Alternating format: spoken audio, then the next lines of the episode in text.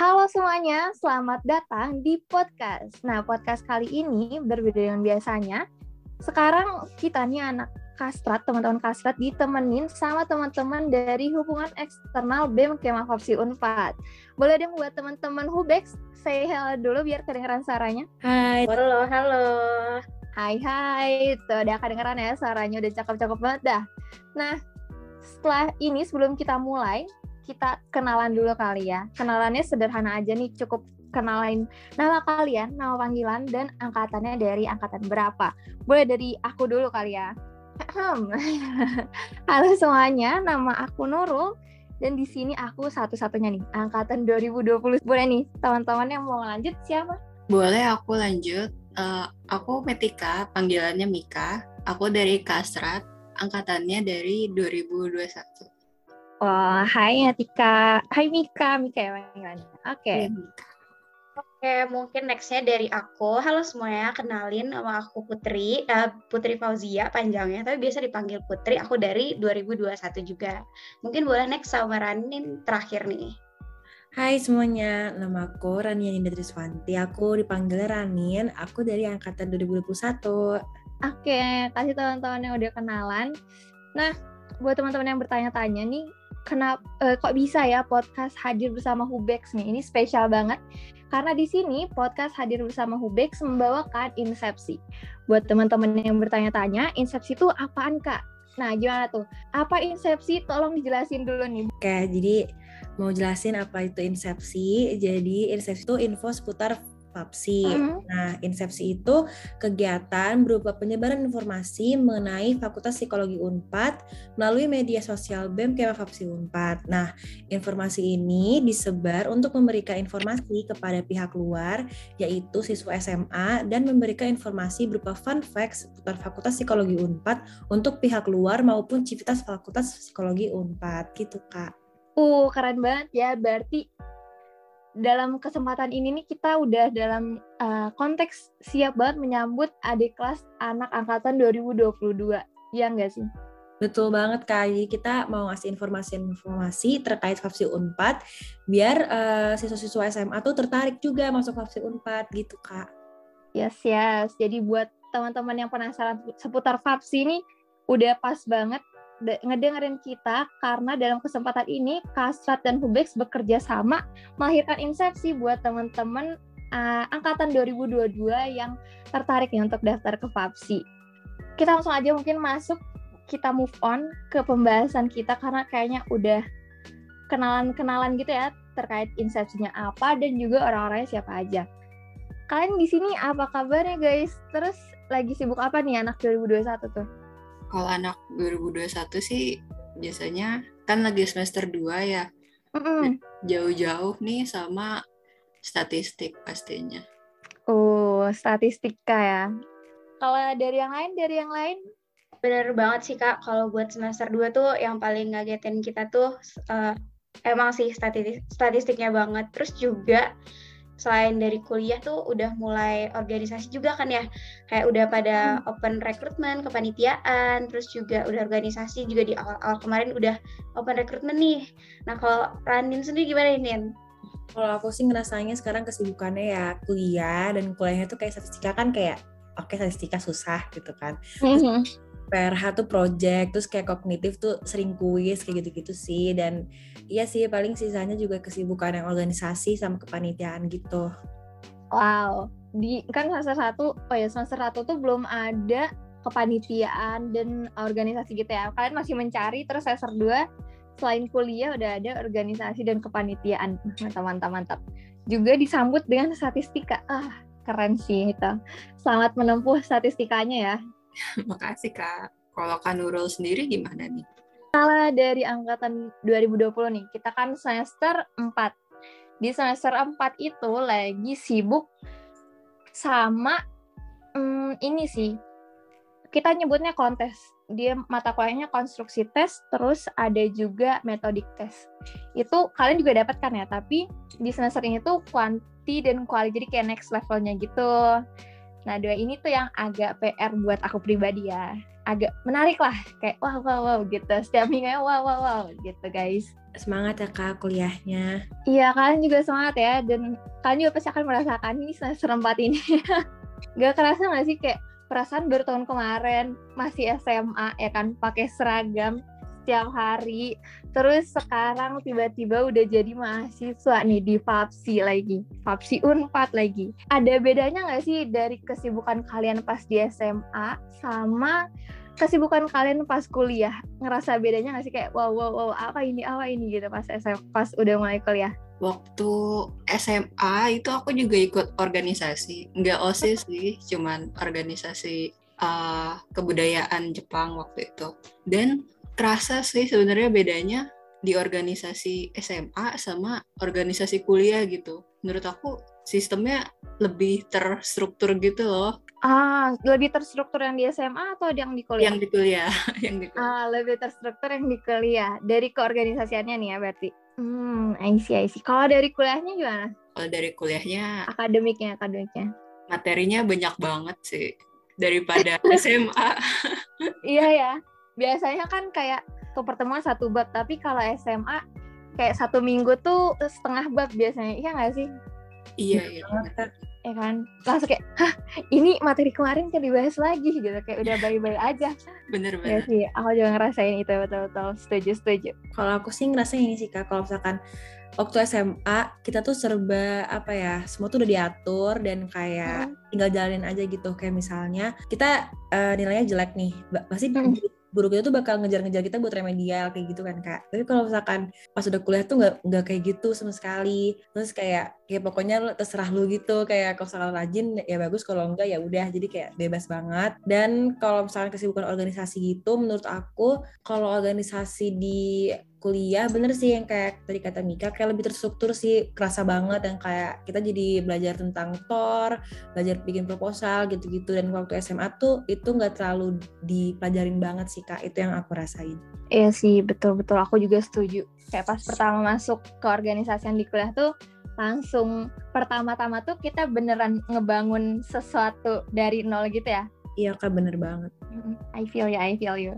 Bener banget sih kayak yang udah dijawab sama Mika sama Radindra juga kayak beda banget gitu. Pertama kayak SMA kita udah serba tahu gitu oh hari ini mau ngapain hari kayak emang udah ada jadwalnya gitu kan. Terus kayak agak lebih fleksibel ya kalau aku pribadi jujur ngerasanya. Nah tapi kalau di kuliah kayak iya kita yang mau misalnya kayak mau nilai bagus ya kita sendiri yang ngejar, nggak ada kayak nilainya bakal dibantu dibantu. Kayak gitu kan masih di SMA masih sering gitu ya kak. Nah kalau di kuliah aku ngerasa nggak terlalu ada kayak gitunya. Jadi kayak hmm beda banget ya. Terus juga rutinitasnya aku dulu organisasi ikut sih. Cuman kayak kerasa banget bener kata Mika ini tuh udah lebih terstruktur ketika di kuliah. Gitu sih kak. Iya ya betul kayak mau nilai A ya udah tahu kan apa yang harus dilakuin. Mau nilai B ya udah. Iya bener banget. Semangat ya. Kan Nurul sama Mika sama Putri ngerasain gak sih dulu waktu kita SMA kita hmm? pagi-pagi sampai sore baru pulang sekolah terus habis itu kita les dan itu tuh kita kayak gak capek-capek banget. Terus kenapa sekarang kita capek banget ya walaupun kelasnya kayak selesainya kadang siang. Tapi jujur ya aku ngerasa itu banget. Yang kayak mana sekolah tuh waktu SMA full day kan pulang sore terus langsung ngebimbel demi UTBK tapi udah gitu mau lanjut main selesai ngebimbel tuh kayak ya udah gas-gas aja ayo ke mana ke mana gitu kan. Sekarang habis kuliah kayak langsung ah, punggung sakit gitu kan. Dikit agak bunyi. Iya betul. Kenapa bisa gitu? Keren sih itu menarik. Kalian ingat gak sih masa-masa pas kayak kelas 11 atau bahkan kelas 12 terus kayak rajin banget datang ke BK atau BP buat konsultasi. Aduh milih uh, jurusan mana ya terus ngeliat cutting-cutting lain. Atau eh cutting ngeliat kelas kelas. Udah kayak keterima di fakultas ini keterima fakultas ini. Terus kayak kita langsung hmm aku mau masuk ke mana ya? Gitu. Pernah ngalamin gak sih kayak gitu? Pernah pernah. Pernah banget kak. Ya pernah banget. Ya itu kayak masa tergalaunya anak SMA gak sih kayaknya? Iya banget kak. Soalnya kayak jurusan yang kita pilih itu menentukan masa depan gitu gak sih kak? Jadi kayak bener-bener yeah. Deg-degan banget rasanya waktu itu Iya bener-bener bener setuju setuju. Aku juga ngerasain hal yang sama sih. Terus akhirnya nih kan kalian menjadi bagian dari Fakultas Psikologi Universitas Pajajaran. Boleh diceritain nggak sih kok bisa kalian milih Fakultas Psikologi di Unpad lagi? Dari sekian banyak fakultas psikologi yang ada gitu di Indonesia. Pengen masuk psikologi itu dari SMP sebenarnya, tapi aku tuh nggak suka nyari tahu orangnya. Jadi waktu masuk SMA aku masuk aja IPA nggak nggak mikir apa-apa gitu masuk IPA terus aku baru tahu kalau kebanyakan psikologi itu sosum. Bingung dong aku nggak uh. belajar sosum. Uh, akhirnya aku nyari tuh psikologi. Ternyata ada yang sainteknya dan itu di Unpad. Iya ya alhamdulillah ada ya kalau dari aku sendiri jujur agak absurd banget ya sebenarnya ceritanya uh. kenapa aku bisa sampai di sini gitu loh. Nah, uh. jadi tuh aku sebenarnya nggak tahu sama sekali nih aku kelas 11 kayak kalau Mika kan emang udah agak prepare ya, emang udah tahu nih mau masuk psikologi. Nah, aku nggak tahu sama sekali nih mau masuk mana ya saya gitu kan. Terus kayak waktu kelas 12 tuh teman-teman aku udah pada tahu gitu kan, kayak aku agak FOMO hmm. nih teman-teman aku kayak oh iya gue mau masuk teknik gue masuk ini masuk ini. Aku kayak aduh gue masuk apa ya? Gitu kan. Terus kayak cari-cari nih nggak tahu kenapa waktu itu aku buka TikTok terus lagi rame. Kenapa ya psikologi waktu itu lagi rame di TikTok aku di FYP aku terus kayak oh my god kayaknya um, ini cocok deh sama aku. Terus kayak aku nyari dong di mana nih psikologi hmm? yang saintek? Dan aku nggak tahu sama kayak Mika aku nggak tahu kalau psikologi itu harus banyakan itu yang soshum daripada yang saintek. Jadi kayak oke okay, ternyata cuma ada di aku kecantolnya sama psikologi unpad nih yang akreditasinya A gitu dan saintek juga gitu kak Iya, alhamdulillah jadinya nggak perlu uh, belajar linjur lagi ya. Iya bener banget kak. Dan untungnya thanks to TikTok dong ya berarti ini. Thanks banget sejujur kak, thanks banget. Terus jangan dulu tahu nggak sih kalian tren yang kayak nyobain filter di Instagram kayak fakultas mana kalian? Oh tahu banget tahu. Tahu karena kalian nggak ada yang refer ke situ kan? Enggak sih kak, aku nggak mainan filter itu. Oke, oke. Okay, Kalau gitu kamu nentuinnya dari apa dong, Nen? Jadi tuh sebenarnya aku dari kecil itu tuh pengennya jurusan A, pokoknya adalah jurusan lain gitu. Mm. Terus pas aku SMA, aku tuh beda banget sama Mika. Mika kan emang udah tahu dari SMP kalau pengen psikologi gitu kan. Dan kalau Putri tuh kayak meant to be banget gak sih FYP-nya isinya psikologi semua. Iya. Yeah. deh. Jadi aku kan dari dulu ngejarnya uh, jurusan A. Tapi pas aku kelas 11 kelas 12 tuh aku tiba-tiba kayak kayak gue nggak mau deh jurusan A. Terus aku nyari-nyari yang kayak aku tuh pengen kerja jadi HR aku cari-cari HR tuh bisa dari jurusan apa. Terus itu psikologi. Abis itu karena aku orangnya males kan aku orangnya males banget untuk belajar sosum lagi.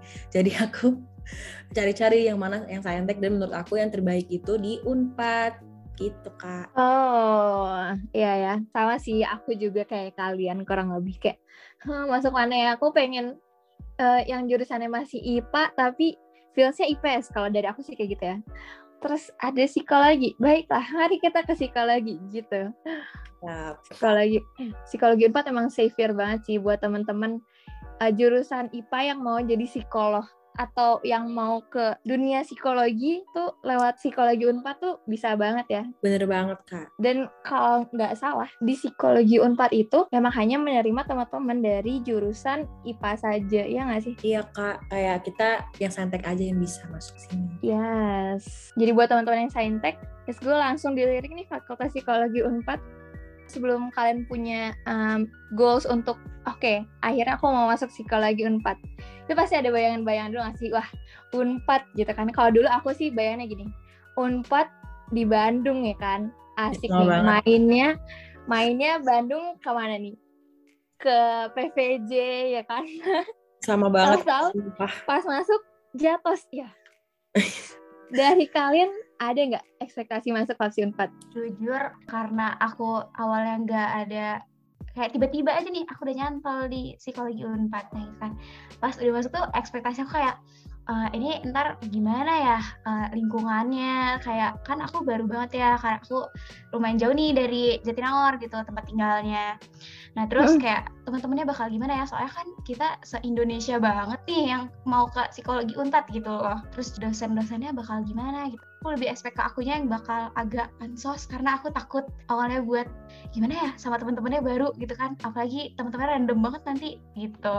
Terus juga kayak menurut aku itu ekspektasi aku ke Unpad sih karena awalnya karena psikologi ya aku berharapnya kayak kayak ini semoga bisa menjadi tempat aku buat berkembang gitu lah. Dan lingkungan dan teman-teman juga dosennya kayak bisa membantu gitu kooperatif gitu kayak oke okay, semoga kayak gitu kita gitu, kalau aku dulu. Kalau Ranim gimana nih itu dulu ekspektasinya ya lingkungannya ya nggak bakal jauh-jauh lah sama Jakarta kan di Bandung. Dulu ngiranya kayak gitu kan.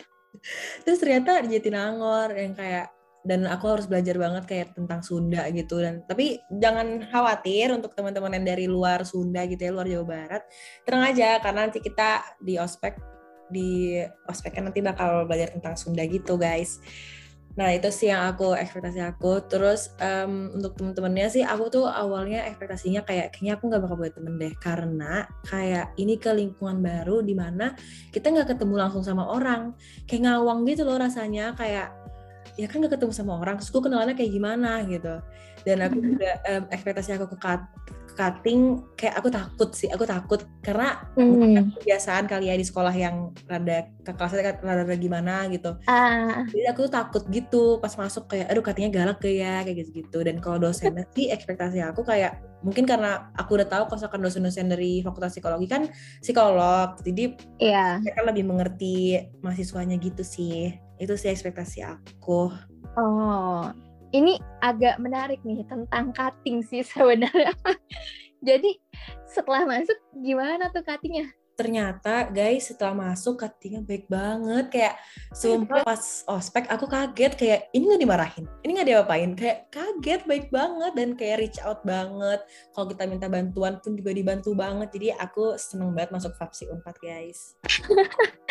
Alhamdulillah sebagai cutting ya kan. Aduh agak ini gak sih kayak oldies banget kalau menyebut sebagai cutting. Tapi aku ya alhamdulillah ya kalau kayak gitu. Terima kasih lah Radin Mika Mika cerita kamu apa nih oh kalau aku sih ekspektasinya uh, agak beda sih sama Putri sama Radin hmm. so, eh tapi ada samanya juga pertama aku juga nggak tahu kalau Unpad itu di Jatinangor aku pikir di Bandung ya itu umum banget sih. Terus kalau buat cutting tuh karena aku pikir mahasiswa psikologi, terus dosennya juga psikolog. Aku mm pikir kalau cutting tuh harusnya udah ngikut sama dosennya gitu loh. Pasti baik-baik nggak sih? Tapi tetap aja sih uh, lebih baik dari yang aku ekspektasiin cuttingnya tuh. Okay, okay. ya tapi kan cuttingnya bukan aku doang ya. Tapi ikutan sini aku doang. Iya. Oh. Tapi ya sih bener. Terus kayak ke dosen juga kita kayak santai banget gitu gak sih? Panggilan tersayang kita, kebanggaan kita guys. Apa itu guys panggilan ke dosen kita? Mbak.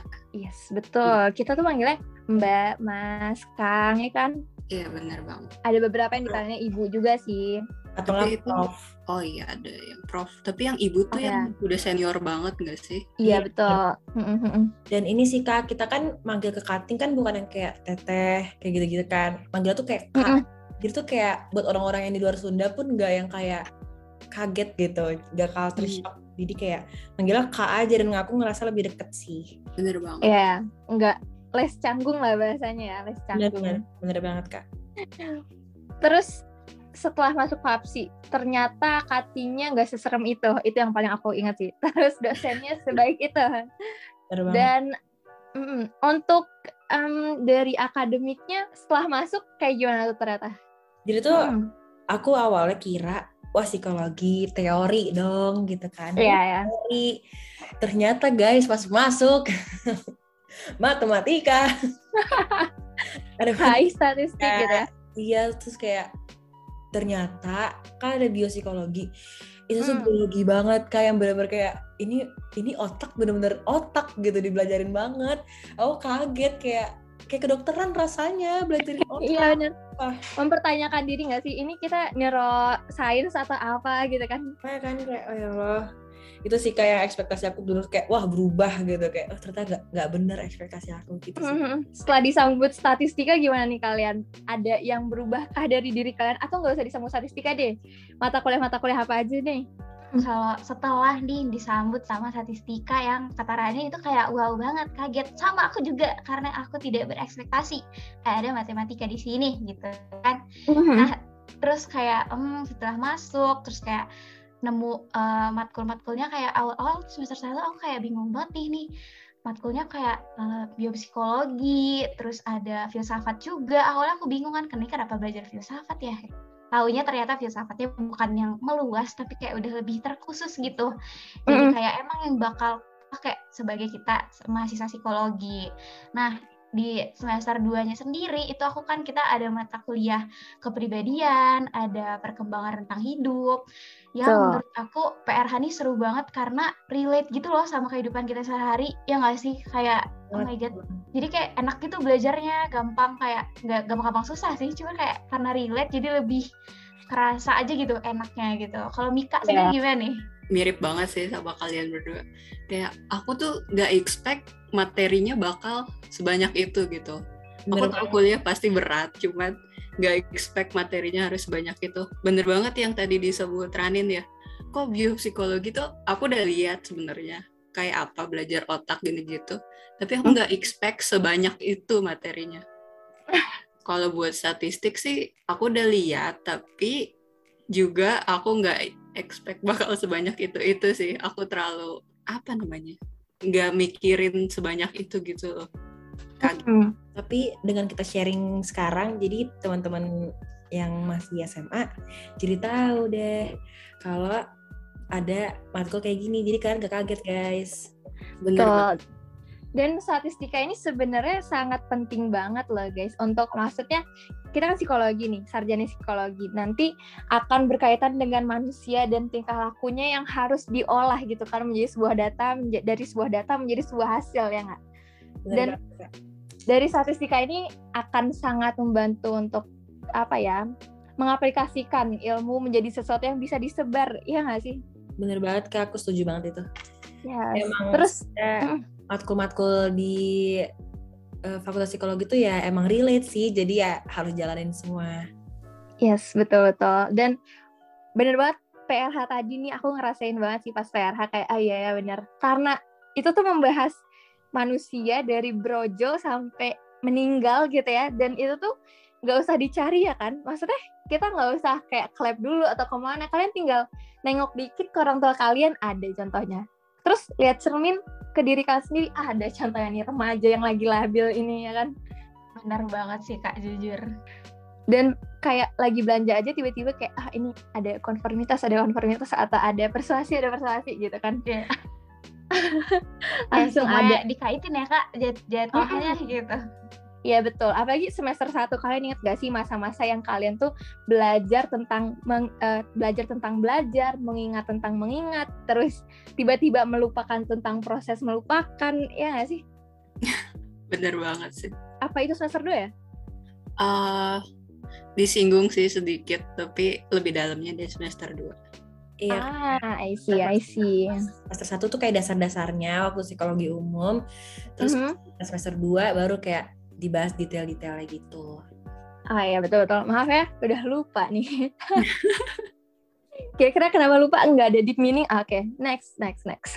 Dari semua mata kuliah yang dirasakan, yang contohnya ada banget dalam kehidupan sehari-hari, kayak nggak usah dicari juga langsung ada. Itu dari kalian ada merasa kesulitan nggak? Tadi kan udah kemudahan-kemudahan yang nggak usah nyari materi untuk pembelajaran dan lain sebagainya.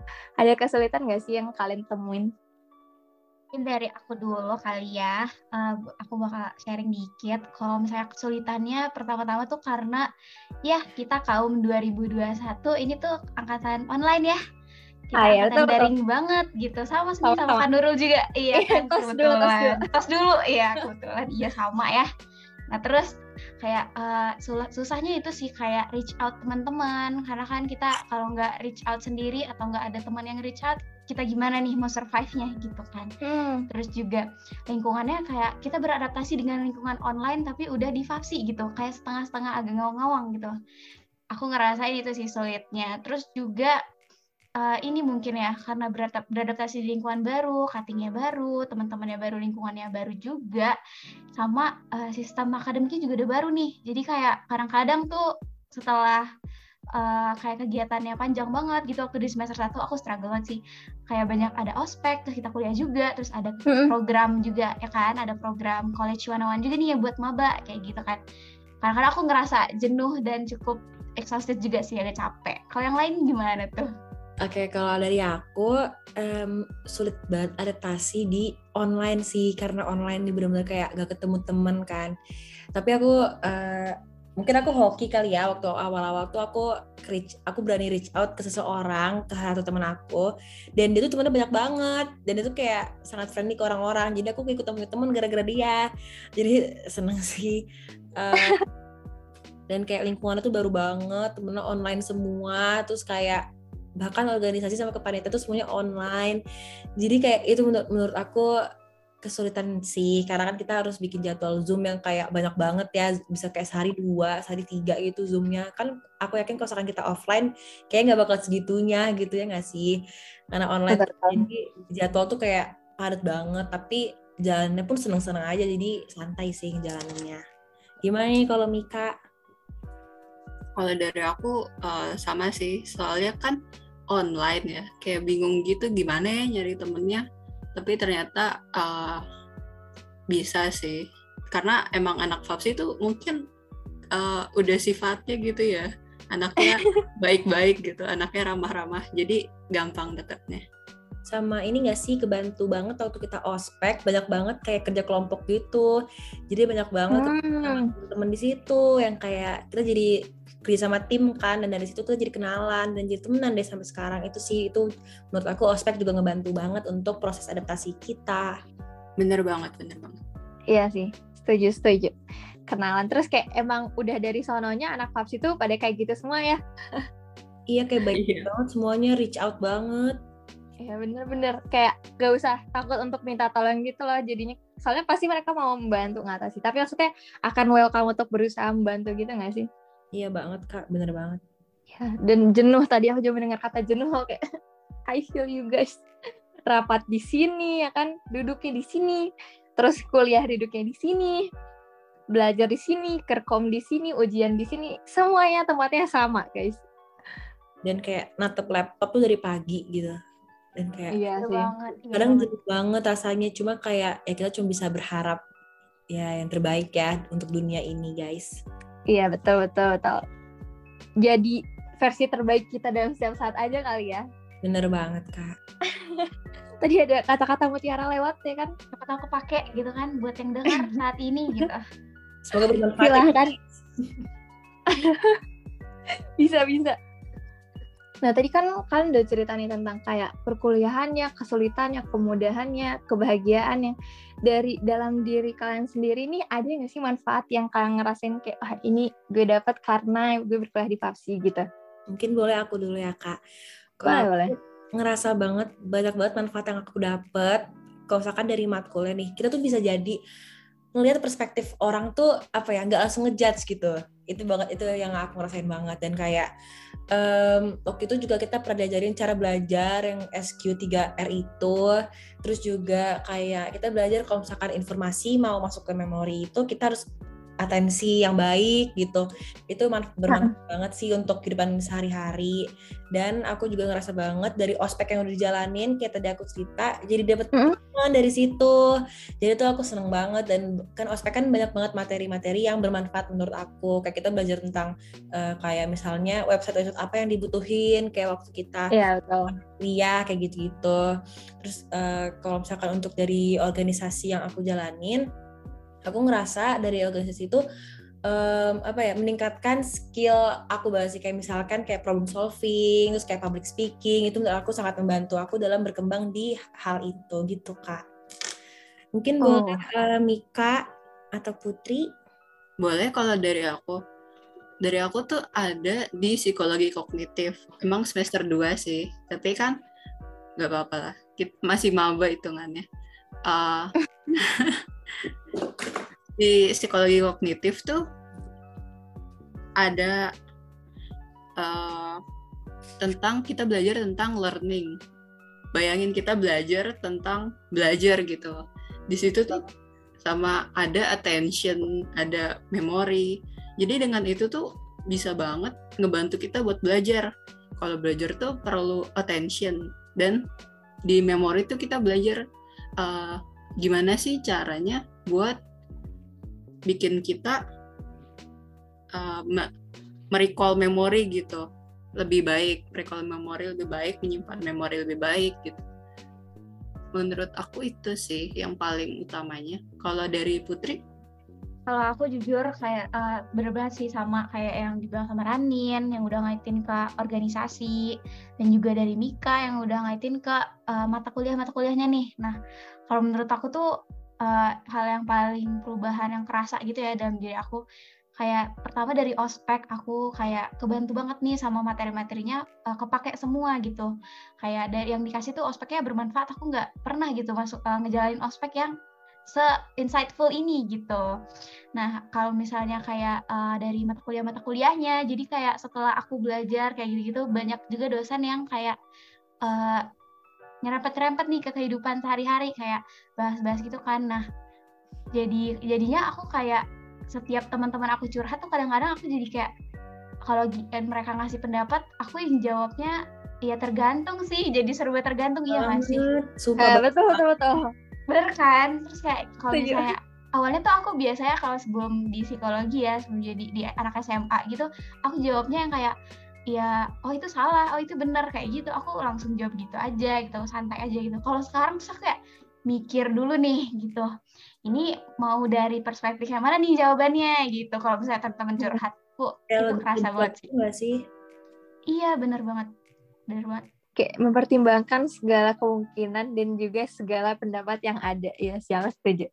Bener iya bener banget pak itu kerasa banget sih sama aku sekarang gitu iya. Jadi kita kayak ngeliat sesuatu tuh lebih luas dari berbagai kacamata yang ada sisi pandang yang ada ya sih. Terus aku nggak tahu sih kalian ngerasain ini atau enggak tapi kalau aku ngerasain jadi kayak lebih kalau ngeliat orang tuh lebih kayak oh ya udah gitu. Maksudnya banyak memaklumi gitu loh jadinya. Iya bener ya sih? Kak bener. Karena kita kayak mikirnya kayak pasti dia ngelakuin ini ada di baliknya gitu gak sih kak? Iya benar jadi kayak Atau, lebih suka gitu uh, uh, bener bener bener jadi lebih banyak memaklumi guys dan hati juga lebih tentram ya kalau masalah itu maksudnya berhubungan dengan orang itu kita kayak ya udah maksudnya dia punya sisinya lah gitu bener banget benar benar Oh ya kak, tadi kan kita udah cerita nih kak tentang perkuliahan kita kayak matkulnya gitu. Nah kalau misalkan hmm. Kan Nurul nih kan Kan Nurul angkatan 2020. Jadi kayak hmm. kasih review dong Kak buat kita-kita nih Kak. Nanti semester 3 sama semester 4 tuh gimana sih Kak? Ah, oke okay, oke. Okay.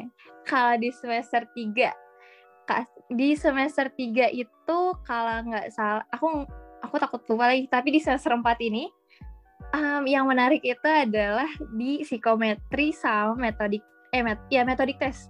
Metodik tes itu asik banget guys karena kalian harus kayak itu kayak membawakan sebuah uh, serangkaian psikotes gitu ya dan itu kayak dari kitanya sendiri itu harus diperhatiin kan. Kayak pembawaan dari kitanya pembahasan dari gerak tubuh yang kita tunjukkan. Pokoknya semua dari atas ujung kepala sampai ujung kaki itu diperhatiin sama dosen. Terus habis kayak gitu um, untuk apa namanya pembahasan kita juga itu sangat diperhatiin juga sih. Jadi di metodik tes tuh kalian pasti akan belajar kayak sedikit-sedikit tentang public speaking dan body language untuk kayak mempresentasikan diri lah kasarnya ya. Itu yang menarik sih. Terus untuk ini kontes, konstruksi tes. Di konstruksi tes ini menariknya adalah kita membuat sesuatu. Aku nggak tahu ini menarik atau susah ya. Tapi kita membuat sesuatu um, yang bentuknya itu pertanyaan-pertanyaan, tapi bisa menunjukkan kayak misalnya uh, kondisi psikologi kalian, kondisi psikologis kalian itu bisa banget ditunjukin dari um, si mata kuliah ini gitu. Menarik gak sih? Kayak nanya misalnya mending kanan atau kiri? Terus kayak nanti jawaban oh berarti kamu orang yang kayak gini. Enggak sih enggak kayak gitu. Kayak gitu tapi kurang lebih gambarannya kayak gitu guys. Sumpah menarik banget sih kak. Kayak bikin gak sabar gak sih? Kita belajar hal baru gitu. Sumpah gak sabar banget. Eh sabar ya, ditunggu aja karena sebentar lagi guys. Oh, terus untuk semester 3 nih, itu tuh ada ada namanya apa ya? Aku lupa. Pokoknya oh ini eksperimental, eksperimen. Di psikologi eksperimen kita bikin sebuah eksperimen. Kayak kita bikin penelitian yang dari awal banget sampai akhir banget, tapi itu masih dibimbing dosen kok. Jadi santai aja dan itu um, prosesnya kita yang bikin, alurnya kita yang bikin, ngolah datanya kita yang bikin, terus sampai dipresentasikan, disebarkan ke teman-teman di kelas tuh kita juga kan. Jadi kayak sebuah anak yang kita apa ya, kita besarkan lah kasarnya kayak gitu. Kalau di psikologi eksperimen gimana? Asik gak? Asik gak? sih karena kayak rasanya kayak terjun langsung gitu ya ke dunia psikologi itu kayak terjun langsung gitu rasanya. Yes. Oh, terus tadi Ranin bilang suka uh, mau jadi HR. Nah, itu tuh ada nanti ketemu sama psikologi industri dan organisasi tuh. Ntar kenalan yang ini ya. Pokoknya kenalan aja lah sama psikologi industri organisasi. Kamu pasti kayaknya kamu banget sih kalau emang mau jadi HR. Oke, kasih ya. Makasih ya Kak untuk review-reviewnya. Sama-sama. Semoga kita semangat terus ya sampai akhir menuju SC guys. Amin, semangat Kak. Amin, semangat, harus semangat. harus semangat banget nih. Betul, betul. Nah, setelah tadi nih cerita-cerita seputar FAPSI, seputar mata kuliahnya, organisasinya, sampai ospeknya udah kita bahas, sampai ke tulang-tulangnya, kan to the bones, kata Pamungkas ya. Itu kalian tenang aja guys, setelah benar kesulitan tadi, karena nanti jawabannya akan gimana pun caranya itu pasti akan ketemu nggak sih jawabannya? Bener banget Kak, karena banyak banget hal eh, hal-hal yang ngebantuin kalian nanti di Fapsi di Fapsi Unpad. Betul. Contohnya nih tadi udah ke spill ada College One One ya kan. Bener Terus banget. ada apa lagi nih guys? Kegiatan APM juga membantu banget. Mm-mm. Itu kayak sangat amat membantu dan informatif. Jadi untuk kalian yang udah berminat banget masuk ke Fapsi Unpad tapi masih banyak takutnya, itu tuh santai aja karena kita akan fasilitasi ya untuk berkembang gitu. Terus kalau misalnya tanya-tanya juga ada yang namanya KKNPM. Jadi di sini tuh NPM-nya misalnya NPM 19, nanti NPM 19 di angkatan di atas ya nih, misalnya anak 2022, NPM 19 di angkatan 2020 itu kalian bisa banget langsung kayak SKSD aja gitu ya. Langsung kayak kak aku mau aku NPM sekian mau ini gitu. Ya nggak sih? Iya banget. kayak langsung, langsung aja gitu. Hmm. Tuh, selain, kalian ada udah KKNPM tuh ada KKP juga nggak sih? Oh iya betul. Aduh, iya, iya banget. Itu Pokoknya... masih di rangkaian APM ya kalau KK, KKP. Iya benar kak. Pokoknya tuh intinya kayak banyak banget fasilitas dari Fapsi Unpad yang bisa ngebantu kalian semua kalau kalian mau masuk sini. Jadi kayak proses adaptasinya lebih gampang guys. Tuh.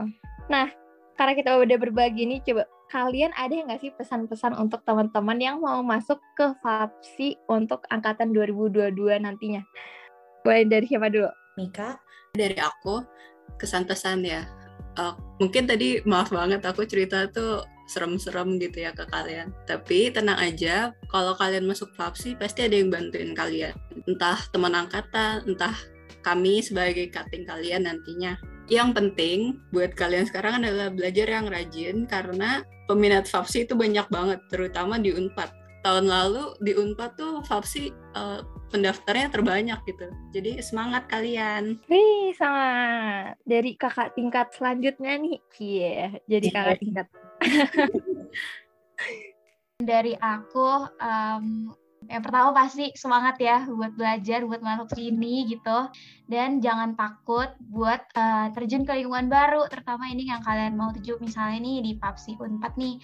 Karena bakal banyak banget program-program, cutting, lingkungan, dan sampai dosennya yang bakal ngebantu kita banget buat adaptasi gitu sih. Boleh nih next terakhir Anin. Oke, kalau dari aku, pokoknya untuk yang mau masuk FAPSI Unpad semangat terus. Aku ngerti banget rasa sakit hatinya ditolak SNM terus aku ngerti banget rasa capeknya belajar UTBK dan deg-degan nungguin pengumuman UTBK sambil belajar SMUP gitu ya guys.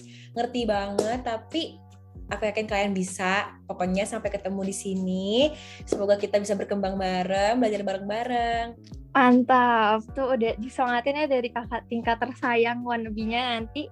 Jadi ditunggu banget teman-teman di FAPSI. Dan untuk yang lagi belajar, semangat belajarnya kan pasti bisa ya. Kita semua mendukung ya nggak? Betul banget Kak, semangat ya semuanya. Nah, nggak kerasa nih. Kita udah mau habis aja waktunya guys. Tapi tenang aja, ini bukan akhir dari perbincangan kita karena masih banyak rangkaian insepsi lainnya dari teman-teman Hubex yang mau disampaikan ke kalian. Boleh nih take over aja teman-teman Hubex. Oke, makasih nih buat waktunya. Nah, kita tuh bakal sharing nih, uh, apa nih uh, rangkaian insepsi apa aja nih maksudnya gimana nih? Jadi, salah satu rangkaian insepsi yang sedang kita lakuin saat ini yaitu podcast yang kita ga, uh, gandeng bareng Kastrat buat nanti abis ini jangan lupa pantengin terus karena masih banyak lagi nih rangkaian pre-event sampai nantinya main event Incepsi Goes to School di bulan November. Dan selain itu juga uh, ada juga nih proker-proker dari Hubex yang nggak kalah keren dari Incepsi salah satunya ya. Ada site visit, itu kita kunjungan ke BEM fakultas lain, company visit juga. Terus ada proker kerjasama, ada interstellar, saya summit, yang uh, saya summit itu tuh uh, rangkaian acara nih yang ngajak BEM fakultas psikologi lain buat bikin workshop dan semacam webinar gitu. Kemudian juga Incepsi itu sendiri, kalau kalian mau tahu, merupakan bagian dari proker Citra Fapsi yang bakal menjaga citra BEM Fapsi lewat uh, Incepsi ini salah satunya dan juga kita bakal ngirimin-ngirimin BEM card gitu-gitu. Pokoknya stay tune wow. aja nih buat semuanya gitu. Sip, sip. Jadi ditunggu ya teman-teman prokernya dari Hubex nih. Kegiatan-kegiatan Hubex nanti ditunggu. Terus jangan lupa stay tune juga nih Ya, kita stay tune, tolong langsung pantengin sosial media BEM Fapsi 4. Dan juga um, di sini agak nyelip dikit ya, ada proker-proker kastrat yang bisa kalian cek, yaitu fake news. Jadi uh, ditunggu aja kalian bisa lihat di Instagramnya BEM Fapsi 4, BEM Fapsi 4. Ditunggu ya teman-teman, silahkan selamat membaca-baca. Kalau misalnya teman-teman mau mencoba ya kan, atau ngintip-ngintip sedikit isu-isu menarik yang dibahas dari sisi psikologi. Yes, kayak gitu paling. Nah, kali ini beneran udah di akhir banget nih guys. Jadi aku mau bilang makasih buat teman-teman yang udah stay dengerin podcast kali ini. Terima kasih juga teman-teman Hubex yang kolab yang udah kolaborasi nih bareng Kasrat dalam rangkaian insersinya.